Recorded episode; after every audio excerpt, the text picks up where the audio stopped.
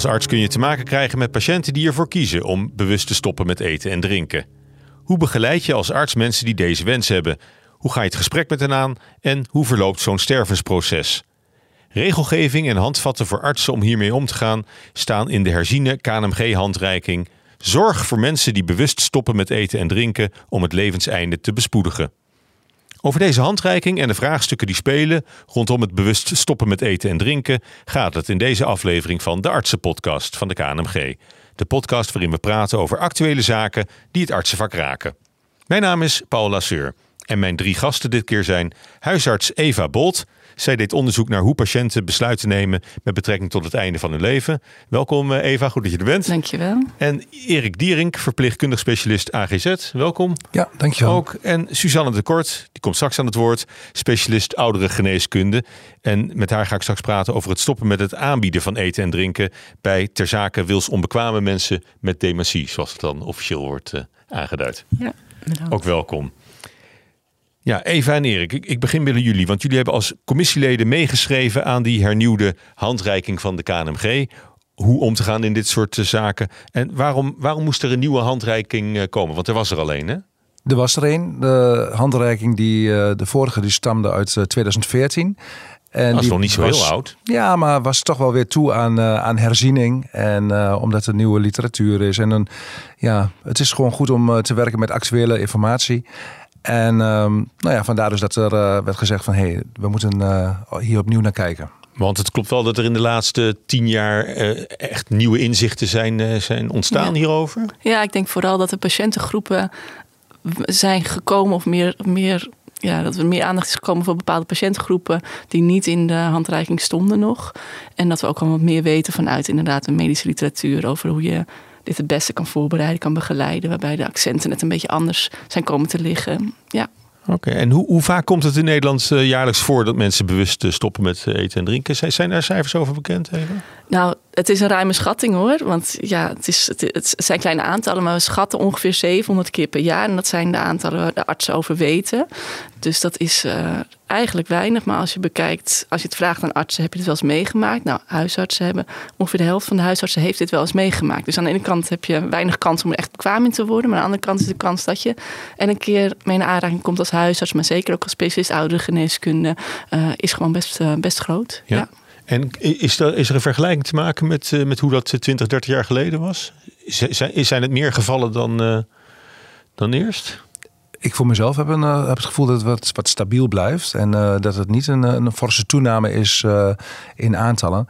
Maar het kan wel zijn dat de bekendheid van, van dit onderwerp... dat dat mogelijk een, een groei doet, doet geven. Ja. Ja. ja. ja, eigenlijk is het natuurlijk ja, een van de oudste methoden om ja, om het leven te beëindigen. En ik denk dat het altijd heeft bestaan en dat het inderdaad niet uh, veel meer voorkomt dan in het verleden. Maar wat er nu gaat gebeuren, ja, hangt er vanaf hoeveel mensen deze podcast luisteren. Ja, ja, onbekend is onbemind. Dus als je er niet van weet en als je, niet, uh, als je denkt van dat dit niet een goede manier zou zijn.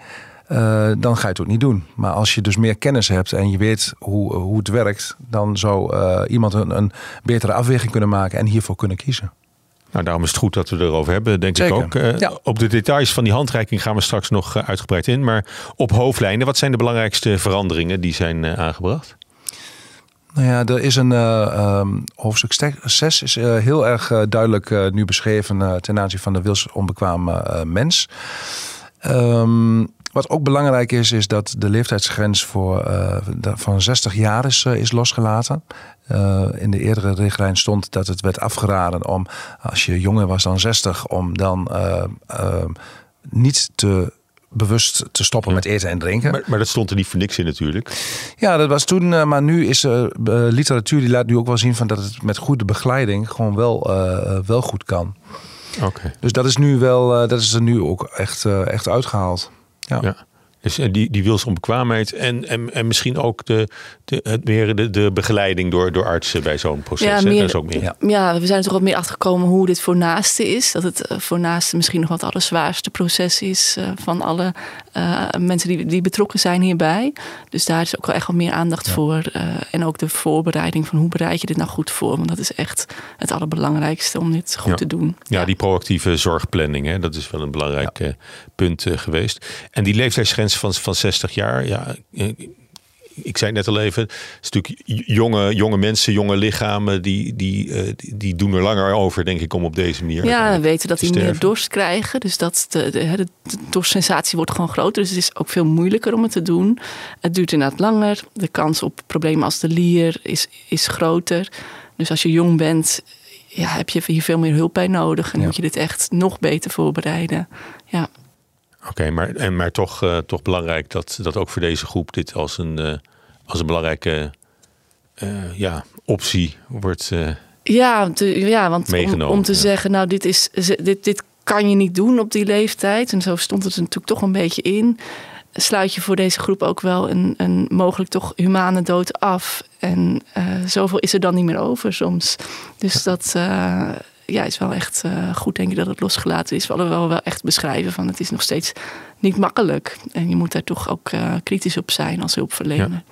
ja. Maar wat, wat, wat zijn over het algemeen de redenen voor een patiënt om te stoppen met eten en drinken, om, om dat besluit echt te nemen? Ja, wat ik zelf tegenkom is dat, eh, dat mensen echt klaar zijn met het leven. Ehm, soms is er sprake van echt ook, ook, ook lijden. Ehm, de wens tot een euthanasie is niet altijd eh, ehm, eh, gehonoreerd of, of niet aantoonbaar. Waardoor dus eh, sommige patiënten in een soort ehm, ja, niemandsland vallen. Van hé, hey, ik, ik wil eigenlijk wil ik niet meer leven, maar de, de, de euthanasie kan niet uitgevoerd worden. Wat, wat moet ik nu? Dus ehm, ja, het is, een, het is soms ook een, een middel voor de cliënt om, om, om toch naar het einde toe te komen. Ja.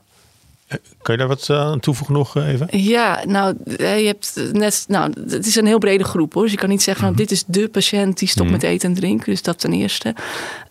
Voor veel mensen is regie een heel belangrijke factor.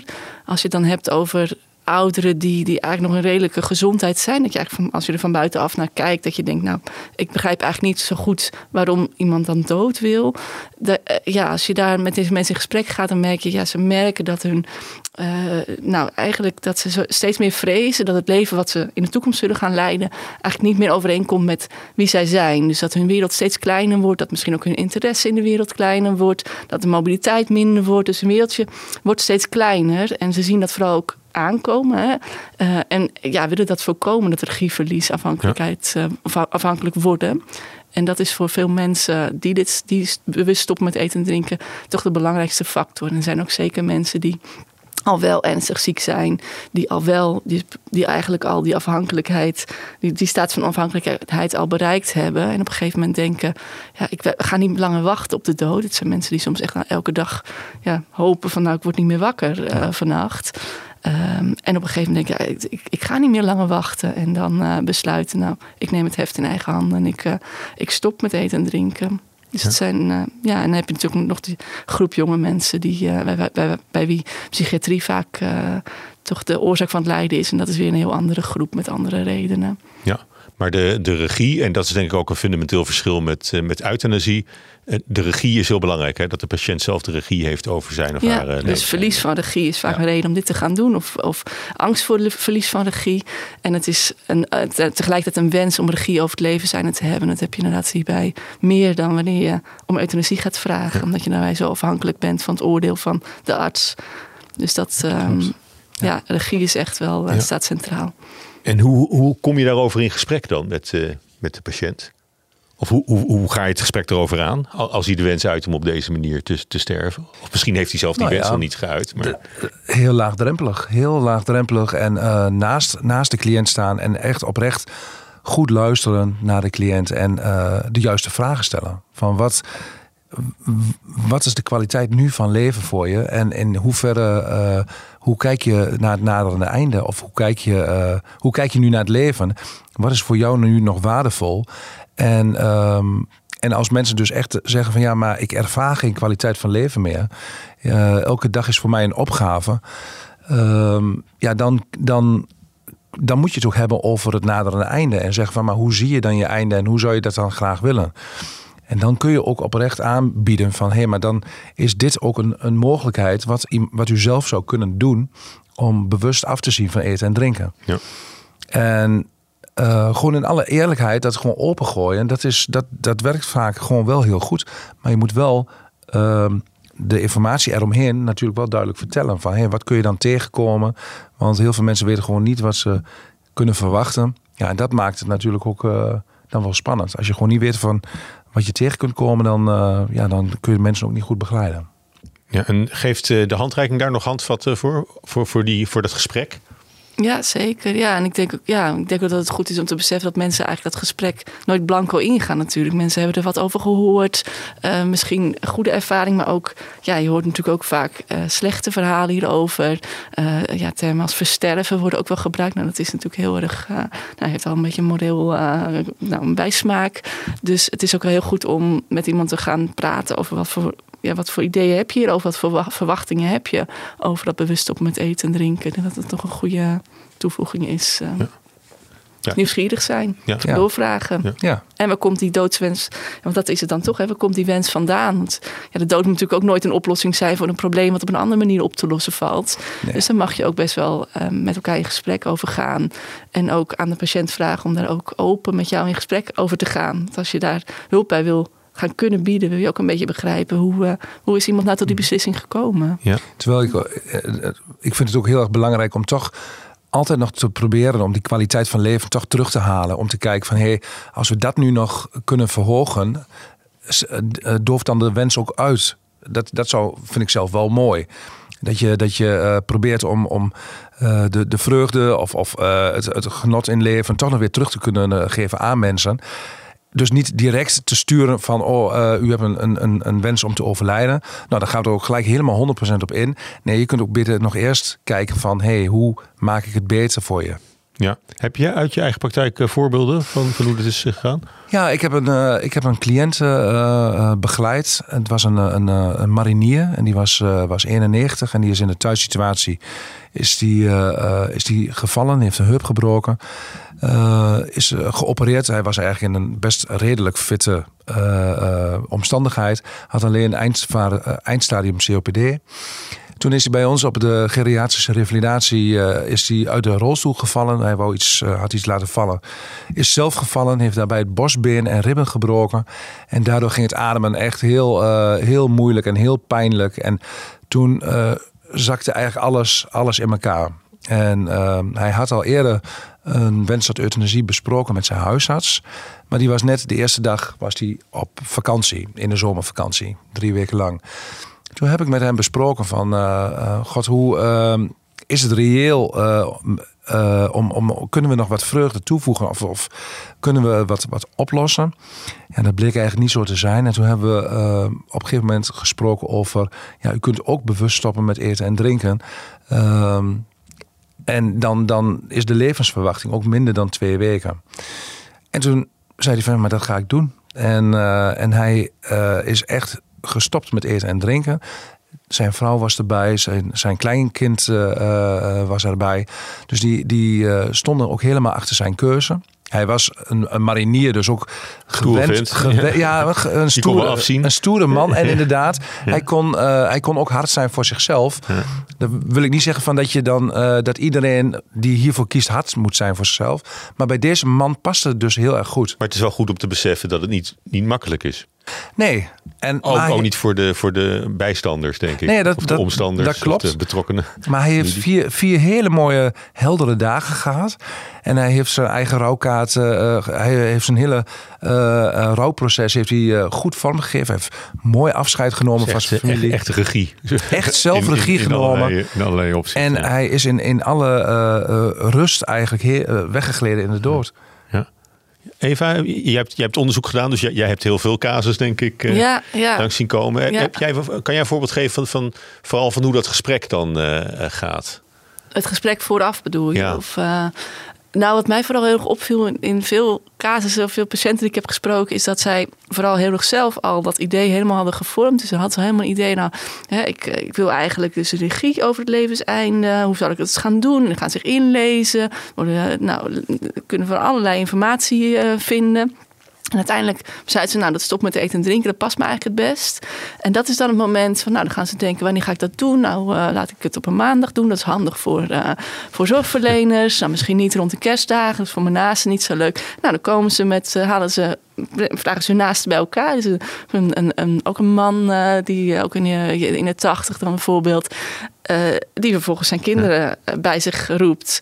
En hij vertelt van, nou, ik ga dus stoppen met eten en drinken na de kerst. Nou, die, die kinderen waren, ja, die waren met stomheid geslagen. Wat gebeurt hier nou? Want ja, we, we, hebben toch fijn samen dan iemand die hmm. eigenlijk uh, ja, best nog wel kwaliteit van leven heeft. Vooral vanuit de buitenwereld gezien. En ik denk, ja, dit, dit kan toch niet? En ik probeer hem te overtuigen. Maar hij zit al helemaal in zijn hoofd met dat idee.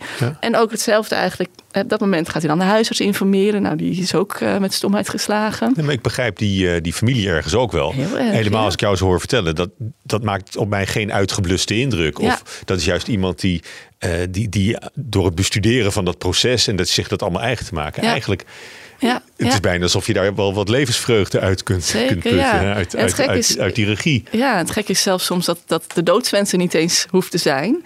Dat mensen zeggen, ja, de, deze man ook zei letterlijk van nou, het is niet dat ik leid, maar uh, ja, het leven hoeft van mij niet meer zo. Uh, een man die verwoordde dat ook heel mooi, die zei ja, ik heb een mooi leven gehad, het is een mooie film hmm. geweest, waarom zou ik nou naar de aftiteling gaan zitten kijken? Hm. Ja, dat is, het was voor deze man volstrekt logisch dat hij hmm. deze stap nam, ja. maar voor zijn was het ja. ja. en vervolgens gaat hij wel. Um, hij had natuurlijk het gevoel, ik ga het heel erg in eigen regie doen, ik doe het zelf. Maar vervolgens doet hij wel een beroep natuurlijk op zijn naast. Want die moet er wel veel bij zijn, dat laatste stukje. En die moeten toch ook meehelpen eraan. En dat is heel moeilijk als je eigenlijk niet ja. begrijpt van waarom maar daar, daar schuilt ook wel iets moois moois in, denk ik, dat je dat met elkaar kunt doen. Zeker, misschien. ja. He, ja dat, dus, dat je zo'n afscheid. Uh, ja voor sommige nabestaanden is dat heel, ja, heel waardevol. Maar je moet het ook weer niet ja, te groot maken. Niet dat het nog hele mooie, eindeloze nee. gesprekken worden. Want ja, iemand wordt ook uh, moe, verward, kan zich minder ja. goed concentreren, krijgt een droge mond, kan minder goed praten. Dus het is fijn om nog samen te zijn, maar ja, niet, niet meer het moment om alles nog te zeggen. En, en nou is dit een geval van iemand die, die dat zelf helemaal heeft, heeft uitgezocht.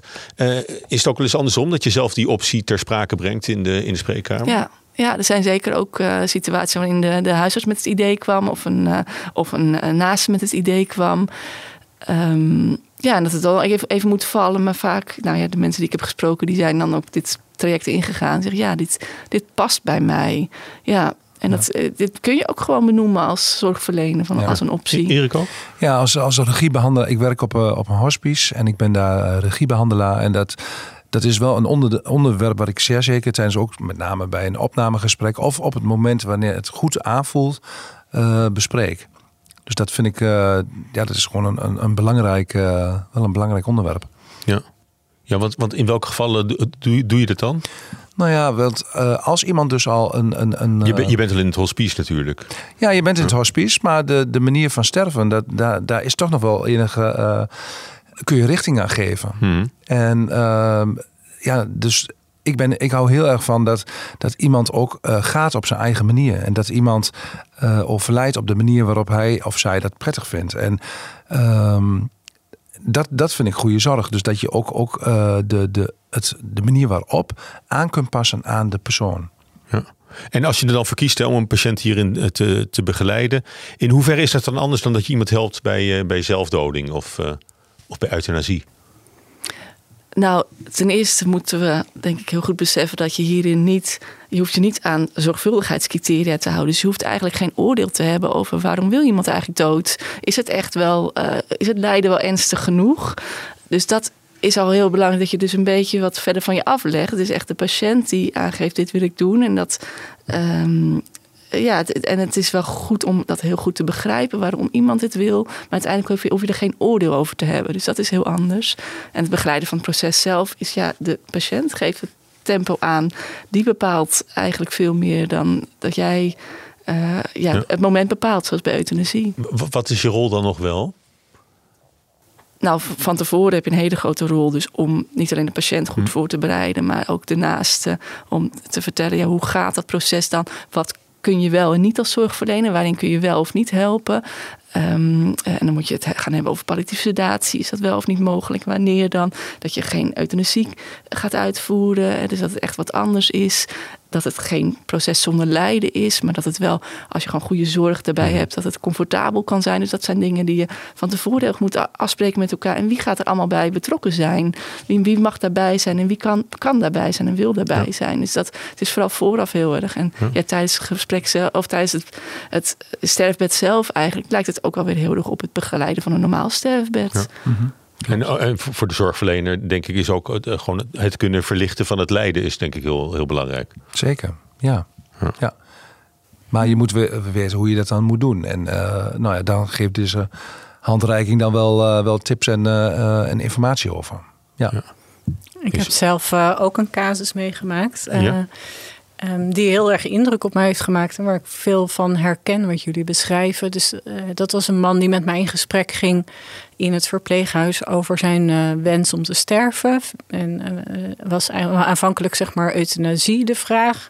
En ehm, hij, hij bleef op de een of andere manier heel ambivalent. Omdat voor hem euthanasie zoiets plotselings was. Van hè, dan, ja, nu dood of niet. En ik herken ook heel erg even wat jij aanhaalt van die regie. Van je moet dan echt, ja, je maakt jezelf eigenlijk afhankelijk van een dokter in je, in je wens. En ehm, toen heb ik hem inderdaad genoemd de optie van eh, bewust afzien van eten en drinken. En daar is hij over na gaan denken. En bij mij teruggekomen van dat past eigenlijk heel erg bij mij. En in, en in het verleden heb ik dat eigenlijk al vaker geprobeerd. Want dan zag ik het niet meer zitten en dan deed ik helemaal niks meer. Maar als iemand dat dan ontdekte, dan werd ik met de ambulance uit mijn huis geplukt en weer gevoed. En, eh, en dan was ik er weer. En ehm, het, het- het mooie om hem daarin te begeleiden was inderdaad dat, ja, dat het eigenlijk heel erg lijkt op een natuurlijk stervensproces. En dat je steeds, eh, ja, eh, heel relationeel is het proces. Dus na een week kwam hij nog bij me aan van, oh, ik zou zo zin in een biertje hebben. Ja. En eh, dat vond ik wel heel leuk. En, en, en dat het ook open blijft. Want er, hè, eh, in- tot een zekere hoogte kan je elk om- moment weer nog. terugkomen op je beslissing. En ja, en, Door gewoon weer te gaan eten en drinken. ja, want je, je, je, je voelt eigenlijk van ik ga sterven en iedereen staat ook zo om je heen. Maar als dat dan toch niet goed voelt, dan is er gewoon een weg terug. En eh nou heeft het biertje uiteindelijk maar niet genomen. Toch vanwege het idee, ja, dan ben ik nog langer bezig en ik wil dit echt. Toch weer smokkelen. Maar ja, bij mij was zeg maar de twijfel ook heel erg weg over zijn ambivalentie. Omdat je eigenlijk daar met elkaar een weg in kunt bewandelen. Die je niet altijd zo goed met euthanasie eh, lijkt te zijn dan. Nou ja, eh, ambivalent, eh, dat lijkt mij inderdaad een heel lastig. eh, dat is een heel lastig gegeven in, de, in, dit, in deze casus eigenlijk.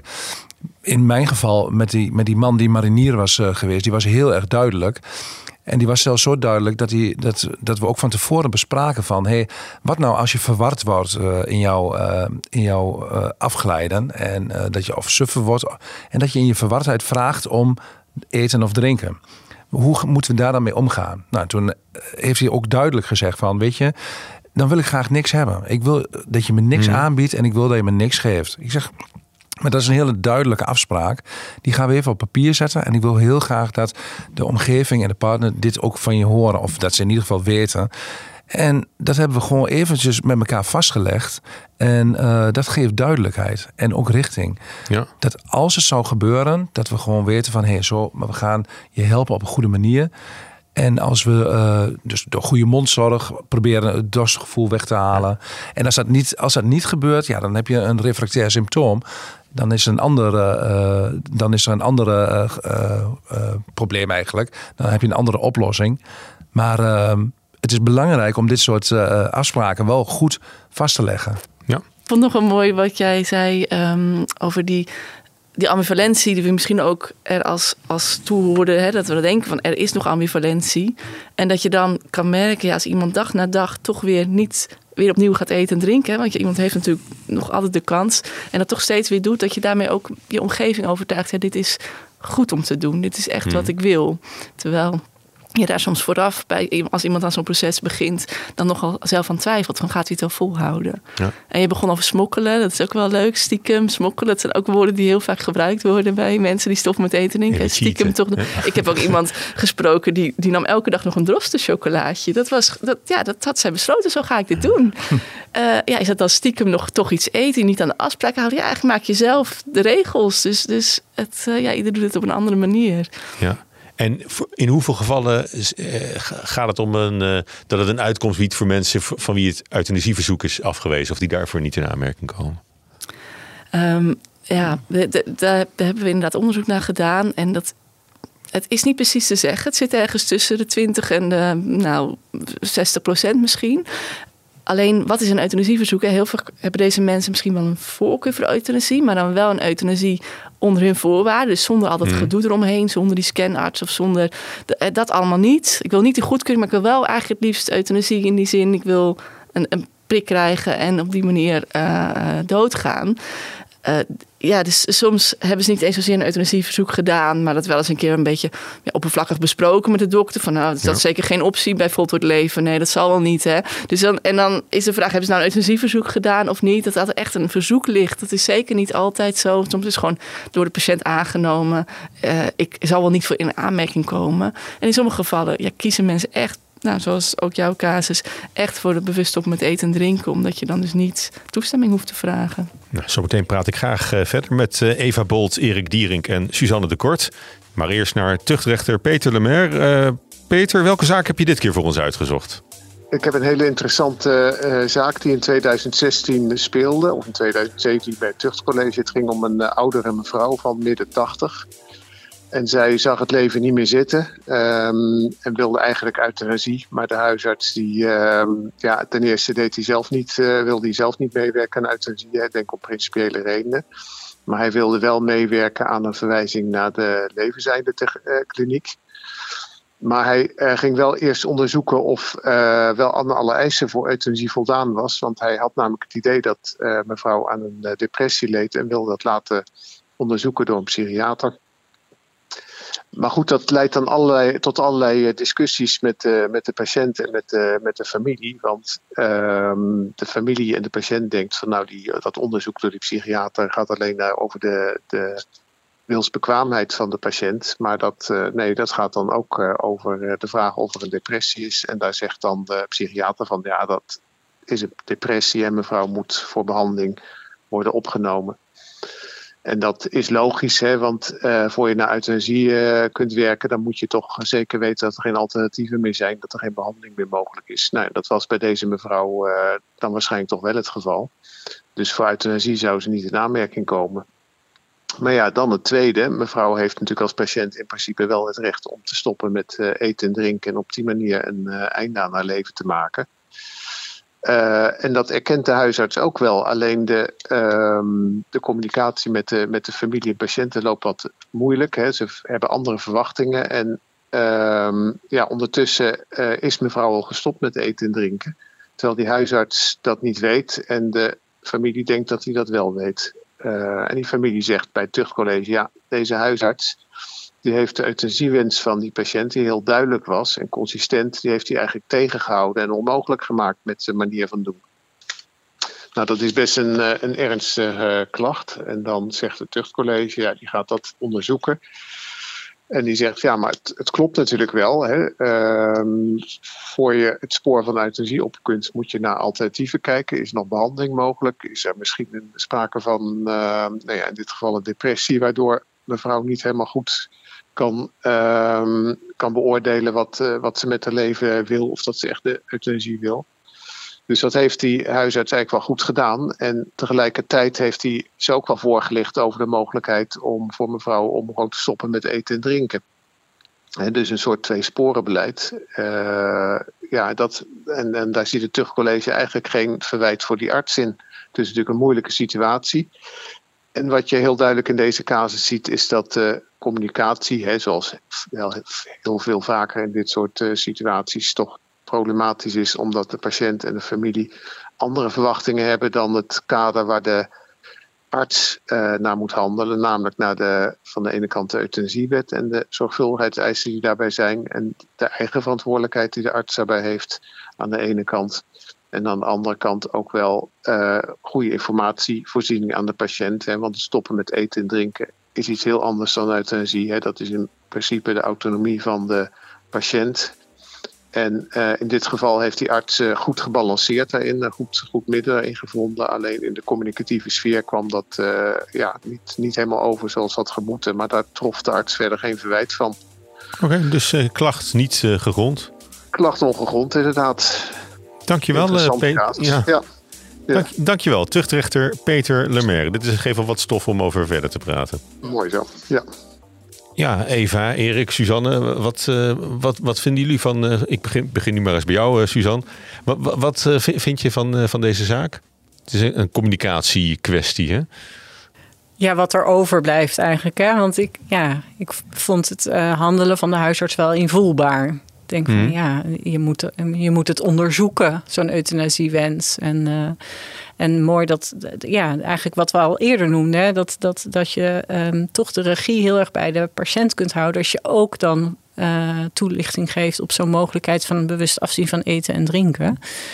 Uh, maar je ziet inderdaad dat uh, dokters het wel ingewikkeld vinden als iemand dat eenzijdig al heeft ingezet. Ja. Want, ja, want je wil wel in staat zijn om uiteindelijk die goede palliatieve zorg te kunnen verlenen. En ja, dat is denk ik ook um, de rijkdom van deze handreiking. Dat je, dat je toch een beetje ja, mee wordt genomen in hoe bereid je dat goed voor. Um, Um, als de patiënt inderdaad dat niet helemaal uh, op er eentje kan uh, en, en, uiteindelijk afhankelijk wordt van de omgeving en van goede zorg en symptoombestrijding, dan is het wel heel fijn als je daar als hulpverlener ook al tijdig bij betrokken ja. bent. En, uh, maar ja. kun je als familie de arts hier het verwijt maken dat hij, dat hij het zo heeft georganiseerd dat uiteindelijk de, de, de zorg hè, rond dat sterven is, is uitgebleven in dit geval? Uh, nou ja, daar, ja daar, dat, daar weet de details onvoldoende van. Maar ik, ik, ja, ik denk dat daar iets is misgegaan in de communicatie. Van, van heel goed, uh, het is een optie, maar, maar wel fijn als daar enige tijd is en enige afstemming om het, voor, om, om het, voordat te, te u daar daadwerkelijk ja. mee aan de gang gaat. Zeg maar. ja. zo, zo heb ik het uh, geluisterd, wat onze rechter zei. Ja, Erik, ik zag jou ja. ook instemmend knikken. Nou ja, ik ben het wel helemaal met je eens. Uh, de, de, de huisarts uh, heeft de, opties goed uh, aangegeven wat mogelijk is. Um, ik vind het toch altijd lastig dat je, dat je soms met verschillende verwachtingen zit. En dat dat niet uitgesproken is.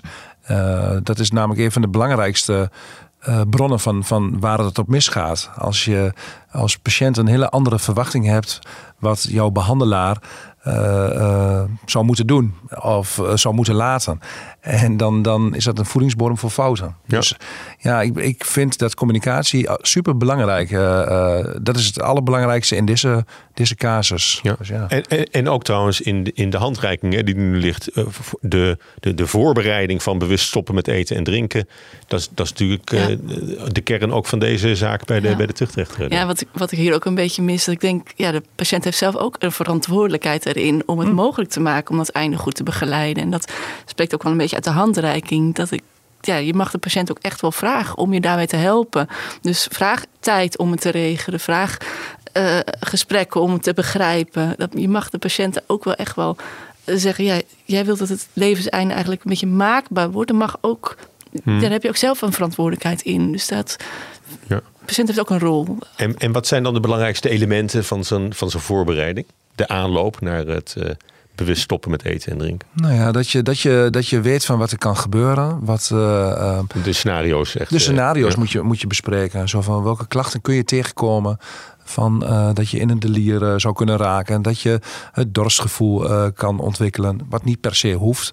Um, mensen zijn inderdaad ook wel, uh, uh, die, die vragen zich af van, stel nou voor dat ik uh, verward word en hele rare dingen doe, hoe, hoe word ik dan be begeleid?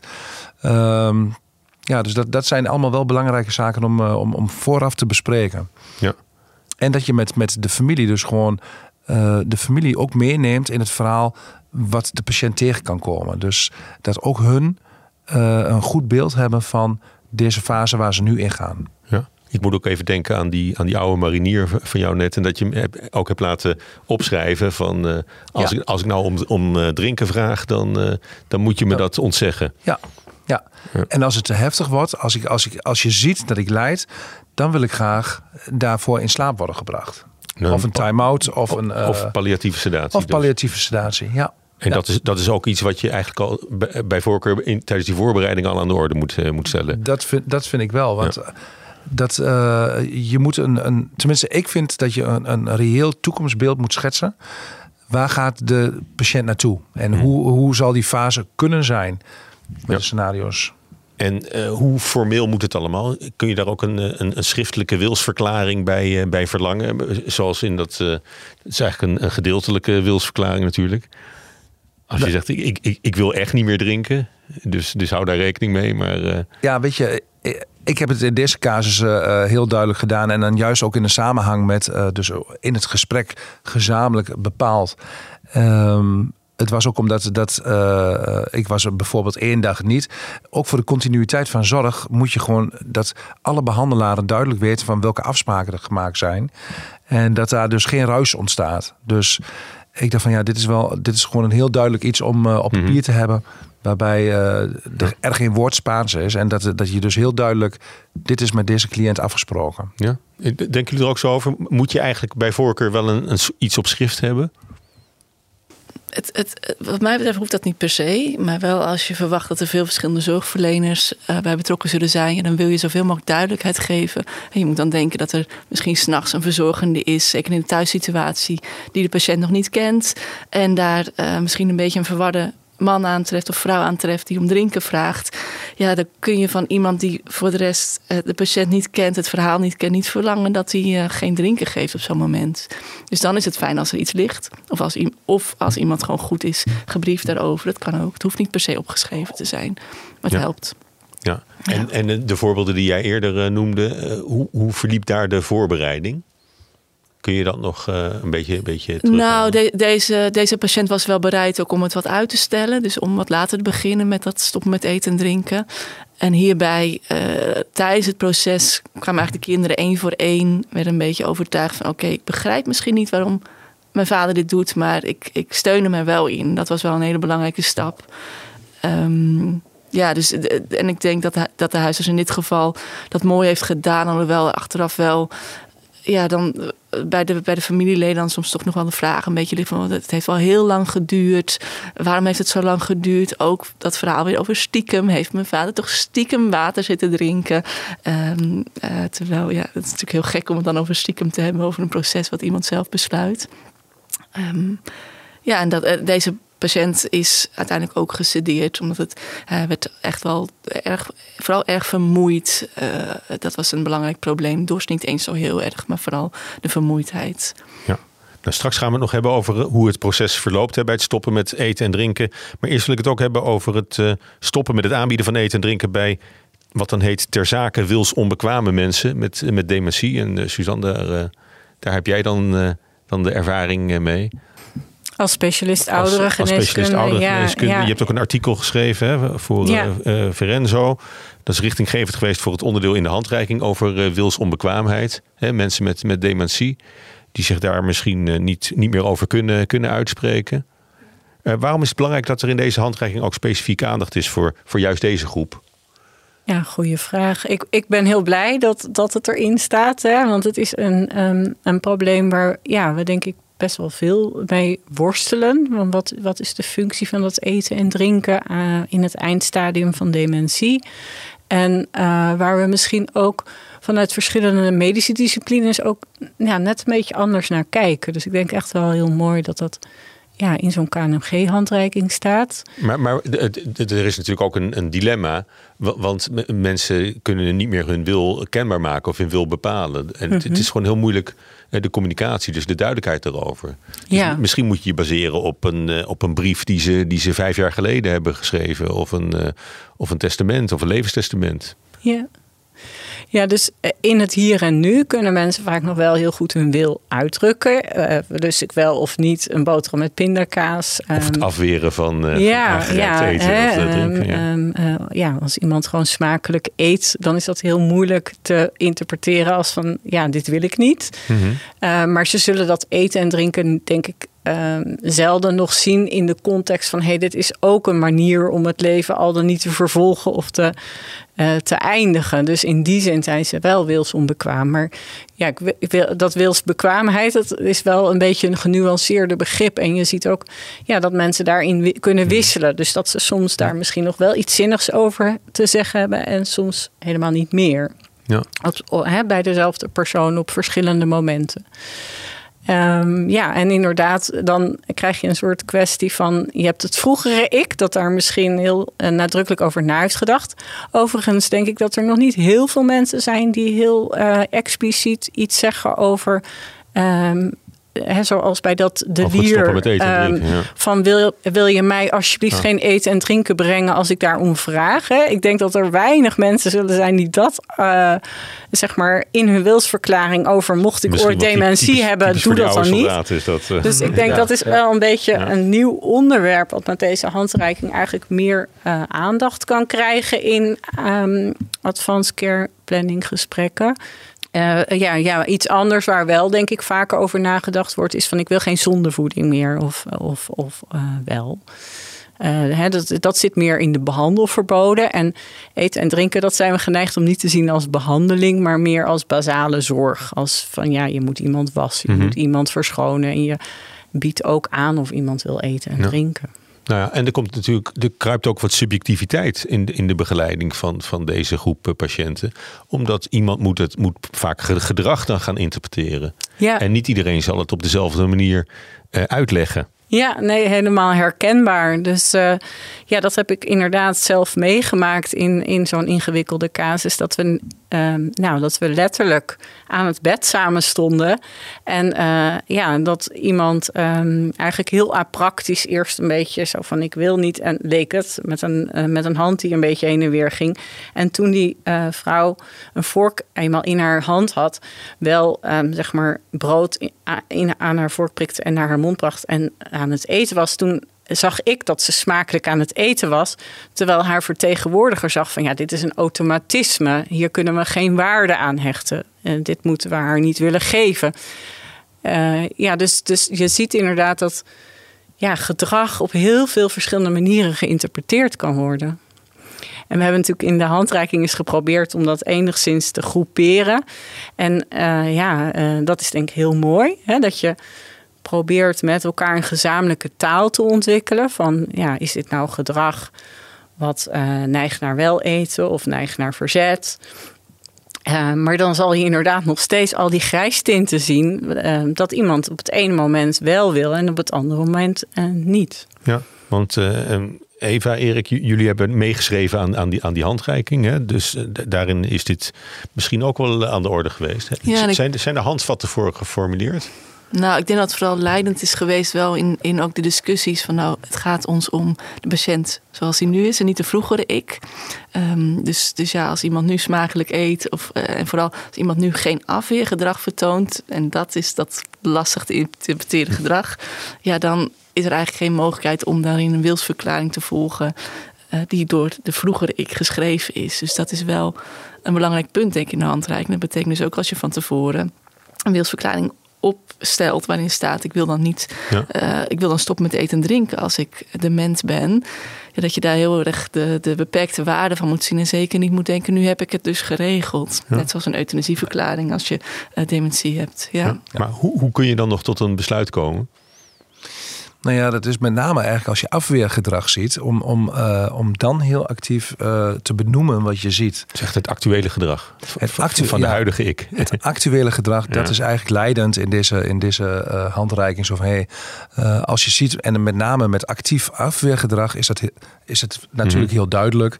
Zo van, dan moet je het gesprek aangaan en zeggen van, hé, hey, luister eens. Mm. Met name als daar ook al een, een eerdere wilsverklaring op papier staat, dan heb je een, een, een goede bodem voor een goed gesprek. Ja. En je had het eerder al over kwaliteit van leven. Hè? Dat, dat, dat kan je natuurlijk ook wel wel ergens afleiden. Ook uh, in, in gesprek met naasten over, uh, over of, het, of het voor iemand ja, of, of, nog, of, de moeite waard is. Ja, of het leven draagbaar is. Maar, uh, en, maar dat is ook weer echt individueel bepaald. Want er zijn mensen die ik heb gesproken... waarbij het, het één wekelijks bezoek van een kleinkind... nog zoveel waarde geeft. en die zegt van ja, maar daar, daar leef ik echt voor. Dus Terwijl dat niet mijn waarde is. Dus ja, je moet echt verkennen van wat is dan de kwaliteit van leven voor die patiënt. Ja. En dat kan voor iedereen dus verschillend zijn. En die, uh, en, die oude wilsverklaring, hè, schriftelijk of mondeling. Is dat wat relatief, het belang daarvan? Of is, is dat toch wel heel erg, uh, heel erg belangrijk? Ja, uh... eigenlijk ja, in die, in, wat ook staat in de handreiking, eigenlijk in heel specifieke gevallen waarin er ja, echt die twijfel is kan niet helpen. Maar als er duidelijk een verhaal is van een vertegenwoordiger die zegt: nee, in dit geval zou iemand willen stoppen met eten en drinken. En je ziet het afweergedrag, dan heb je die wilsverklaring dus niet nodig. Ja. ja. Ja, en Suzanne, voor jou zijn, de, zijn die handvatten uit de handreiking zijn die voor jou uh, behulpzaam? Uh, ja, wel om het gesprek aan te gaan hè, rondom uh, ja, patiënten, dus met verzorgingen, met familie. ja, denk ik dat, dat het wel verhelderend kan werken.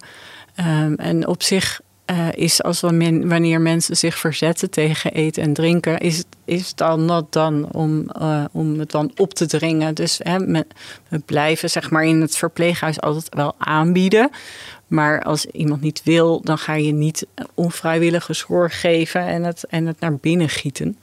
En ik merk wel dat daar heel veel culturele verschillen zitten. Dus de meeste gesprekken die wij in het verpleeghuis hebben, gaan er juist over dat familie eten en drinken toe wil blijven dienen omdat ze, Desnoods met zonde? Ja, precies. omdat ze, ja, of, of, of door al, de, al, al die liefdevolle lepeltjes geduld. Um, ja, dat dat nog een manier is om, om je liefde te uiten en je dierbaren bij je te houden. Terwijl, ja, als, als wij dan als hulpverleners zien dat inderdaad iemand niet meer goed kan slikken of, of eh, daar helemaal niet meer naar taant, dat wij dan vaak geneigd zijn om ja, naar die signalen te kijken. Dus dat, dat vind ik wel mooi om dat even ernaast te zetten. Van meestal gaat, is het gesprek omgekeerd. Uh, ja, dus, dus inderdaad dat. dat um, ja, wanneer er afweer is, is het voor, voor ons denk ik al heel veel zelfsprekend om het, uh, om het niet op te dringen. En um, ja, als er dan nog ja, bij komt um, dat iemand daar iets over heeft gezegd in zijn wilsverklaring, wat ik nog nooit ben tegengekomen. Nee. Um, maar dan, hè, dus dan gaat het toch wel heel erg over die vertegenwoordiger die gaat interpreteren. Um, wat de kwaliteit van leven op dit moment van zijn dier, haar of zijn dierbare is. En daar, zit, ja, daar zie je eigenlijk hetzelfde als met wat ik net beschreef. En je staat samen aan het bed en je ziet iets heel anders. Hè, want dan zien mensen ja, die hebben voor ogen uh, dat ze recht willen doen aan dat iemand echt nooit in dit stadium van dementie had willen belanden. En dat is heel invoelbaar. Maar ja, wij kunnen niet eigenlijk anders dan um, ja, in het hier en nu goede zorg geven voor iemand. Dus ik ben wel blij dat als een van beide partijen zeg maar, het niet ziet zitten om dat eten en drinken niet meer aan te bieden, dat, ja, dat het dan eigenlijk ook niet kan doorgaan. Uh, en daarnaast denk ik van, is het ook, uh, zou het mooi zijn als het niet een zwart-wit beslissing is. Dus dat kan me best voorstellen dat je op een gegeven moment met elkaar besluit, we kunnen eens kijken wat er gebeurt als we het een dag niet doen of zo. Hè? Um, uh, want ja, dan kun je ook heel goed het gedrag observeren van iemand. En het kan best dat iemand dan toch wel weer heel graag, uh, nou ja, honger of dorst mhm. toont. En dan is het voor mij onmenselijk om iemand die volledig afhankelijk is van zorgverlening, om die dat dan ineens uh, te ontzeggen. Ja. Ja. Maar goed, dat, dat laat ook maar zien hoe, hoe belangrijk het is dat in, in de handreiking deze groep patiënten nog weer aparte aandacht krijgt. Uh, nog even terug naar de patiënten waar we het eerder over hadden. Hè. Ook de casus die, die, die Eva en Erik uh, net, net aangaven. er is een moment dat een patiënt begint met stoppen, hè, met eten en drinken. Bijvoorbeeld thuis of in een hospice. Welke voorzorgsmaatregelen moet je dan treffen als arts? Dat, dat alles klaar, klaar staat om, om dat scenario goed ja, heel praktisch. Hè? Nou, ik ken het natuurlijk van, vooral vanuit de thuissituatie. Is nou, een hoog-laag bed, uh, vooral mondverzorgingsproducten. Kijk, iemand vraagt om regie over het levenseinde. Dus dan moet je ook iemand helpen om die regie te kunnen uitoefenen. Dus, hm. En de meeste tijd is er geen zorgverlener bij.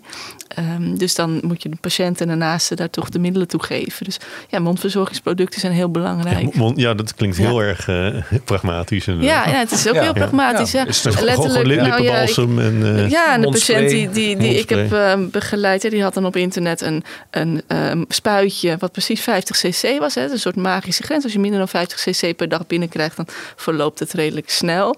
Nou, en dat spuitje met water, dat ze wist, nou daar moet ik het mee doen op een dag. En dat gaf heel veel duidelijkheid. Dat is heel praktisch. Ja. Een beetje nevelen. Dat, Ja, ja, eh, ja, Toch even wat... eh, Ja, Ja. en, en intern eh, op hospice of, of een andere afdeling is het natuurlijk wat makkelijker te regelen. Daar heb je natuurlijk veel, eh, je hebt daar een zorgteam omheen staan. Maar dan, dan moet je dus duidelijk uitleg geven. Je moet zorgen dat de familie de ruimte krijgt om, om emoties te tonen. Eh, eh, natuurlijk de, de, de cliënt zelf, die, de, de, die soms vol zit met emotie. Ja, dat moet je opvangen. Ehm, ja, dus de, de, naast, naast hele praktische dingen moet ook ruimte zijn voor, eh, voor beleving en emotie. ja. Ja. Ja, en thuis natuurlijk de thuiszorg die een grote rol zal spelen. In de huidige tijd met alle tekorten is het ook goed om daar, eh, ja, om daar ook eventueel de tijd voor te nemen dat goed te regelen. Ja. Want hoe lang, hoe lang kan het eh, duren? Ik zeg altijd wel, ja, je weet het niet van tevoren. Dus ga er niet. Ik heb ook een eh, nabestaande gesproken. Ja, ik had twee weken vrijgenomen. Want ja, mijn vader zei: dit duurt een week en dan uh, begrafenis regelen en is het klaar. Uh, ja, en die moest na twee weken weer werken. Ja, het, je kan het niet van tevoren helemaal zeggen. Het heeft natuurlijk ja. wel te maken met ja, hoe je gezondheidstoestand daarvoor en ook, is. ook die jongere groep, hè? Die, ja, ja, ja, en hoe je sterker. het gaat doen. Hè? Of je dat rosterchocolaatje nog inneemt. Of dat je toch uh, ja, die, die vaas met bloemen um, niet kan laten staan. Drinkt, ja, dat, dus dat heeft er allemaal mee te maken. Maar ja, gemiddeld duurt het één à twee weken met uh, sommige uitschieters naar beneden, sommige naar boven. Dus dat ja. is wel. Uh, nou ja, maar dat bepaalt ook hoe, hoe, vaak je misschien langs gaat. Dus is, is dat, uh, ja. hoe verloopt die communicatie met, uh, met de patiënt op zo'n moment? Uh, als, als behandelend huisarts? Ja, het hangt ook weer heel erg af van de situatie. Als daar een goede thuiszorg bij is, dan kunnen dat als huisarts je ogen en, en handen zijn eigenlijk aan het bed. Dus dan mm. hoef je aan het begin niet zo vaak langs. Um, maar er zijn ook situaties waarin, de, waarin je eigenlijk niet zo goed overzicht hebt over hoe is eigenlijk die zorg geregeld om iemand heen. Wat heb je aan naasten? En dan ga je daar, heb je elke dag contact. Dus dat mm. is, en dat zal naarmate het proces voordat, net zoals bij een normaal stervensproces, steeds meer worden. Ja. ja. Ja, dat heb ik uh, gewoon. Maar het is ook reactief, denk ik, hè? van, van hoe, hoe de, hoe de ja. vraag is van, van, ja. uh, van, uh, van broers en zussen. Of, dat is ook zo. En als je een. een, een weet je, ik vind dit, de, de, de palliatieve zorg vind ik echt, of terminale zorg vind ik fantastisch vaak. En als je iemand dan goed kunt begeleiden en, en terug naar de rust kunt brengen, of ja, dat is heel waardevol. Dus ja, ik had dagelijks contact.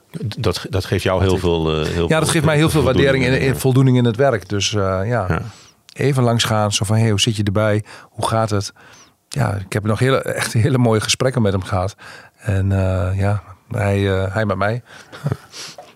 Mooi is dat, ja. ja.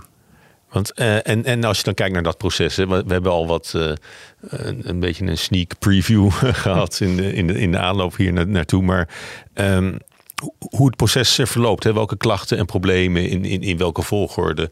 Het, het, het is ja. elke keer een beetje anders, denk ik, maar, de, maar ja. de, de, in de basis. Ja, nou, het begin is denk ik altijd wel hetzelfde aan het einde. Ja. Dan kun je wel, dat, dat is wel. Uh, ja. Dus het, uh, ja, en aan het begin, nou, wat, wat, wat ik wel heel bijzonder vond, een patiënt zei me een aantal dagen: ja, ik vind het zo lastig, ik mis mijn routine. Hè, mijn dag was eigenlijk gevuld met, nou, s ochtends ontbijt maken, als iemand langs een koffie drinken, nou, uh, s'avonds eten maken. Dat valt allemaal weg. Dus die dag is helemaal leeg. Dus die patiënt had heel erg behoefte aan bezoek, aan, aan toch om die dag een beetje door te komen. Dus dat was al iets, ja, na het begin uh, merken ze, ja, toch die vermoeidheid die komt. Uh, moeite met spreken is ook een belangrijke uh, klacht. Hè. Door die droge mond kun je ook moeite krijgen met spreken. Dat viel toch sommige patiënten wat tegen. Nou, dan langzaamaan ja, gaan mensen steeds meer ook slapen, steeds meer in bed liggen, worden zwakker. Dus uh, uh, ja, eigenlijk doe je steeds minder aan het einde. Zie je echt dat mensen suf worden, meer slapen dan dat ze wakker zijn of slapen. Ja, bewusteloos zelfs worden. Um, en dan wegzakken tot ja. aan het einde. Dus dat is... Uh, Huidproblemen.